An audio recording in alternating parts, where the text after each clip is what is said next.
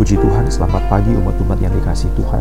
Kita bersyukur kepada Tuhan pagi hari ini Tuhan beri kesempatan kepada kita untuk merenungkan firman Allah dan waktu yang kita punya adalah kita membaca dari Ibrani pasal yang ke-10 ayat yang pertama sampai ayat yang keempat. Kita akan lanjutkan lagi pengertian dan pemahaman dari apa yang Alkitab tuliskan. Ibrani pasal 10 ayat 1 sampai ayat yang keempat. Di dalam hukum Taurat hanya terdapat bayangan saja dari keselamatan yang akan datang dan bukan hakikat dari keselamatan itu sendiri. Karena itu, dengan korban yang sama, yang setiap tahun terus-menerus dipersembahkan, hukum Taurat tidak mungkin menyempurnakan mereka yang datang mengambil bagian di dalamnya. Sebab jika hal itu mungkin, pasti orang tidak mempersembahkan korban lagi.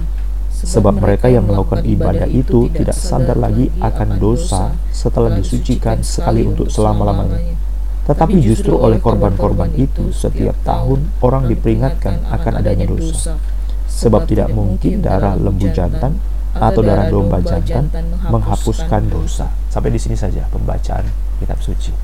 Umat-umat yang Tuhan kasihi, pada waktu kita membaca bagian ini, kita akan lihat lagi ada komponen-komponen atau ada bagian-bagian yang Alkitab sementara bicarakan dan itu adalah hal yang berhubungan. Yang pertama, yang pasti kita bicarakan kemarin adalah keselamatan. Jadi hukum Taurat itu fokusnya, intinya itu sedang berbicara tentang keselamatan. Hukum Taurat itu bayangan, bayangan dari keselamatan yang akan datang. Jelas sekali Alkitab mengatakan. Jadi tema keselamatan itu sangat penting dalam Alkitab. Segala sesuatu itu berkaitan dengan keselamatan. Jadi kembali lagi, keselamatan bukanlah hal yang kita pandang hanya sebagai satu bagian yang perjalanan parsial. Tidak, Justru Alkitab mengatakan bahwa tujuan iman, tujuan iman adalah keselamatan. 1 Petrus pasal 1 ayat yang ke-9. 1 Petrus pasal 1 ayat yang ke-9. Jadi kalau hukum Taurat Tuhan nyatakan bagi orang Israel pada masa perjanjian lama dan dengan segala macam ornamen, ritual, segala sesuatu upacara yang ada di dalamnya termasuk dengan pakaian-pakaian, tata cara-tata cara dan segala sesuatu, Tuhan sedang berbicara tentang sesuatu tema yang sangat penting yaitu keselamatan. Jadi Alkitab mengatakan itu bayangan, tetapi yang paling utama atau yang paling digambarkan, diproyeksikan, dipantulkan, direfleksikan dari bayangan itu adalah keselamatan. Nah, hal yang kedua, elemen yang dipentingkan atau yang disampaikan pada bagian ini tentang korban. Dan yang ketiga adalah tentang dosa. Jadi yang pertama Alkitab bicara tentang keselamatan, yang kedua, ada sesuatu istilah yang dilakukan pada masa lalu, tetapi eh, eh, hal yang kita pikirkan pada saat ini adalah tentang korban, dan yang ketiga tentang dosa. Apa hubungannya? Hubungannya ternyata adalah pada waktu Allah memberitahukan tentang korban, korban, korban. Dalam hukum Taurat itu ada korban, korban. Kamu gagal menjalankan hukum Taurat, kamu gak mampu menjalankan hukum Taurat, kamu tidak bisa menjalankan hukum Taurat. It's okay, it's okay. Tuhan maha pengampun, Tuhan maha pengasih Tuhan memberikan kesempatan, ada peluang kepada kamu, ada kemurahan hati Allah. Bagaimana aku bisa melihat kemurahan hati Allah? Bagaimana aku bisa diberikan suatu pemaafan atas ketidakmampuanku untuk menjalankan hukum Taurat? Ada disediakan oleh Tuhan sesuatu upaya, sesuatu tindakan. Waktu kamu nggak sanggup, waktu kamu nggak mampu, waktu kamu nggak bisa menjalankan hukum Taurat itu, waktu kamu nggak sanggup untuk menjalankan tuntutan Tuhan, Tuhan maunya seperti ini. Aduh, Tuhan aku nggak bisa aku nggak sanggup. Oke, okay, bagaimana caranya? Korban, korban. Kamu harus bawa korban. Kamu ambil domba jantan, kamu ambil darah lembu jantan, kamu bawa, kamu korbankan.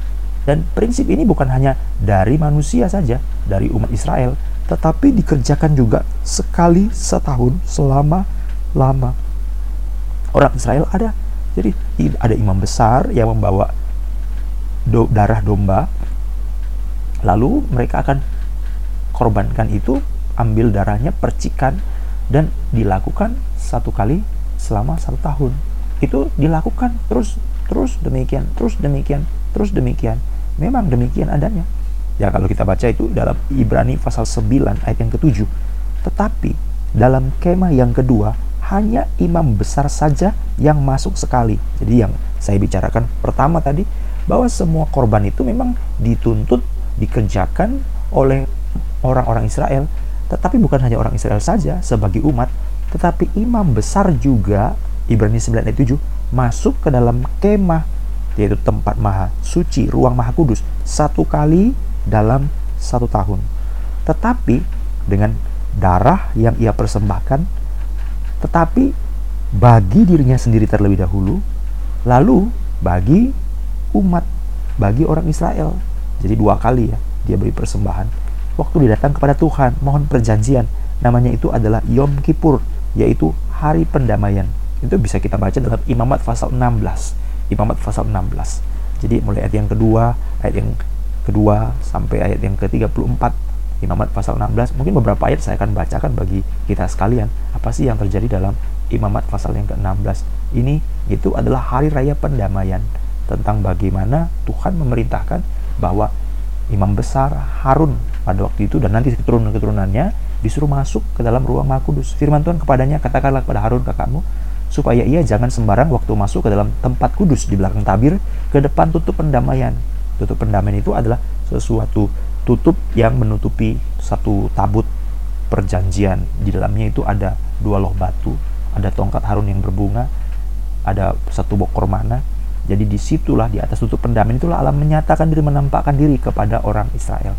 Karena aku menampakkan diri di dalam awan di atas tutup pendamaian. Jadi beginilah caranya Harun harus masuk Imamat 16 ayat 3 dengan membawa seekor lembu jantan muda untuk korban penghapus dosa dan seekor domba jantan untuk korban bakaran dan seterusnya dan seterusnya. Ia harus membasuh tubuhnya dengan air, menggunakan pakaian tertentu, pakaian lenan dan kemudian ayat 6 dia harus mempersembahkan korban penghapus dosa bagi dirinya sendiri dan bagi keluarganya. Jadi dirinya dulu dan setelah itu nanti dia akan memberikan lagi korban, mempersembahkan korban untuk umat jadi di dirinya dulu, keluarganya dulu, minta ampun, lalu umat. Nanti saudara baca sendiri ya.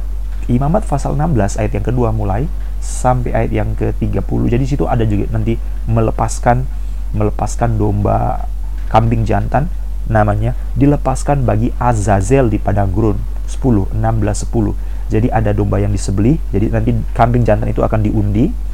Jadi ada yang disembelih dan ada yang dilepaskan.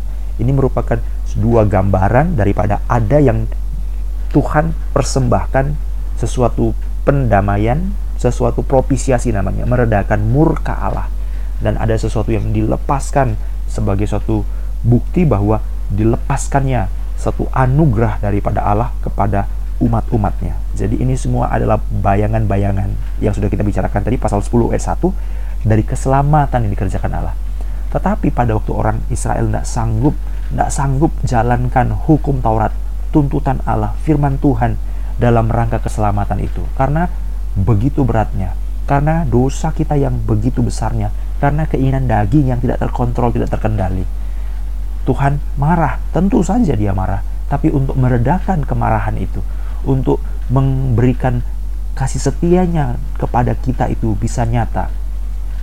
Apa yang diperlukan? Korban. Jadi korban diberikan. Maka dalam bagian ini kita diingatkan lagi orang Ibrani kasih tahu orang Ibrani kamu ngerti kan bahwa kamu itu diberikan suatu kesempatan bahwa ada jalan daripada Allah kalau kamu tidak sanggup jalankan tuntutan-tuntutannya kamu tidak sanggup mengerjakan permintaannya kamu tidak sanggup untuk membawa dirimu sesuai dengan standar yang ditentukan Allah sanggup tidak? tidak sanggup tapi apa yang Allah sediakan? ada apa itu? korban aku harus bawa korban bukan hanya saja umat Israelnya imam besarnya pun, the top leadernya pun, yang paling puncak itu pun juga harus bawa korban untuk membuktikan. Jadi korban ini apa? Korban untuk meredakan murka Allah. Betul, itu benar. Tetapi jangan hanya semata-mata melemparkan bola ini hanya pada Allah saja. Seolah-olah Allah tukang marah. Saking dia marahnya maka dia perlu diredakan kemarahannya. Tidak. Alkitab mengatakan dalam Roma pasal 2, murka Allah nyata dari surga. Ada alasan kenapa dia marah. Mengapa? karena kefasikan manusia. Jadi pada waktu Allah marah itu bukan karena sifatnya. Itu Allah marah bukan karena hobinya marah-marah. Itu Allah marah bukan karena temperamental, bukan karena dia adalah orang yang murah murka, tidak. Tetapi ada karena suatu keadaan yang tidak ideal sesuatu hal yang tidak memuaskan dia dari apa yang dikerjakannya di tengah-tengah segala kesempurnaannya, yaitu dia menciptakan manusia dengan serupa dan segambar dengan Allah. Tetapi manusia itu telah jatuh ke dalam dosa dan merobek, menghancurkan menjadi serpihan-serpihan sehingga kemuliaan Allah itu hilang, hancur, tidak utuh. Jadi kalau saudara memiliki sesuatu hal yang sangat baik sebagai suatu masterpiece daripada pekerjaanmu, tetapi itu diobok-obok, dirusak, dihancur, dirobek-robek. Saudara bagaimana punya reaksi? Ya tidak mungkin saudara ketawa-ketawa. Karena apa? Sesuatu pekerjaan yang paling indah dari ekspresi jiwa, yang paling mulia, itu tidak akan pernah muncul dua kali. Saudara kalau melukis satu lukisan, lukisan itu tidak akan pernah muncul lukisan yang sama dua kali. Tidak. Saudara kalau menyanyi, menyanyi itu nyanyian yang paling indah dari nyanyian yang pernah saudara nyanyikan itu tidak bisa muncul dua kali. Karena apa? Karena itu adalah satu masterpiece, sesuatu ciptaan dari sesuatu hal yang indah. Kalau saudara masak masakan, saudara tidak akan pernah masak masakan yang sama itu dengan rasa yang persis sama dua kali. Pasti ada yang kurang. Yang satu mungkin garamnya itu 90% tepat. Yang satu mungkin garamnya itu 89,9%. Tidak ada mungkin yang sama. Karena dia dikerjakan dengan sesuatu perasaan daripada manusia yang penuh dengan penaksiran-penaksiran. Takaran-takaran yang ditaksir berdasarkan feeling, perasaan, intuisi. Ya saudara bukan mesin nih. Kalau mesin itu bisa cetak sama, cetak sama, cetak sama, cetak sama. Ya kan? Mesin bisa cetak sama. Tapi kalau sesuatu penciptaan dari sesuatu ekspresi jiwa, itu keahlian, skill itu tidak bisa sama ya kan? Jadi pada waktu Allah menciptakan manusia, itu adalah penciptaan puncak daripada Allah sebagai menciptakan manusia serupa dan segambar dengan Allah. Tetapi yang paling indah, yang paling mulia, Mazmur pasal 8 mengatakan, engkau menciptakan manusia itu dengan memahkotainya dengan kemuliaan dan hormat. Indah sekali, tapi hancur. Dan kehancuran itulah mengakibatkan suatu ekspresi. Ekspresi apa? Murka Allah nyata atas kefasikan manusia. Kalau kita mencintai seseorang, lalu orang itu melakukan perbuatan yang tidak sesuai dengan hati kita, masa kita ketawa-ketawa? Tidak mungkin. Pasti membangkitkan rasa cemburu, membangkitkan rasa emosi, marah, geram dalam hati. Aku marah karena apa? Karena aku mencintaimu. Ya kan? Jadi demikianlah dengan Allah. Allah bukan karena dia suka marah-marah. Allah bukan karena dia temperamental. Allah bukan karena dia tukang emosian. Allah marah bukan karena dia harus diredakan kemarahan karena dia memiliki sesuatu luapan-luapan yang tidak bertanggung jawab. Bukan. Roma pasal 2 mengatakan karena kefasikan manusia Allah dia marah. Jadi kita fasik, kita berdosa, kita tidak sanggup, maka kita diberikan hukum supaya kita bisa kembali kepada dia. Tuhan memberikan jalan supaya kita menghampiri dia, tapi tetap kita tidak sanggup. Apa yang Allah sediakan? Allah sediakan korban. Korban untuk meredakan kemarahan korban untuk menunjukkan bahwa kita mau mengasihi dia dengan segala kekurangan kita. Allah menyediakan korban. Tetapi pertanyaannya, apa korban itu cukup? Tidak, korban itu tidak cukup. Korban tidak cukup. Itu sebabnya ayat yang keempat mengatakan, tidak mungkin darah lembu jantan atau darah domba jantan menghapuskan dosa. It's not enough, tidak cukup. Karena apa? Itu tidak sempurna. Jadi ketidaksempurnaan yang ditutup dengan ketidaksempurnaan itu bukan sempurna ketidaksempurnaan karena kita berdosa, ketidaksempurnaan karena kita tidak mampu, ketidaksempurnaan karena kita tidak bisa jalankan Taurat, tidak bisa diganti dengan benda yang tidak sempurna, nggak bisa.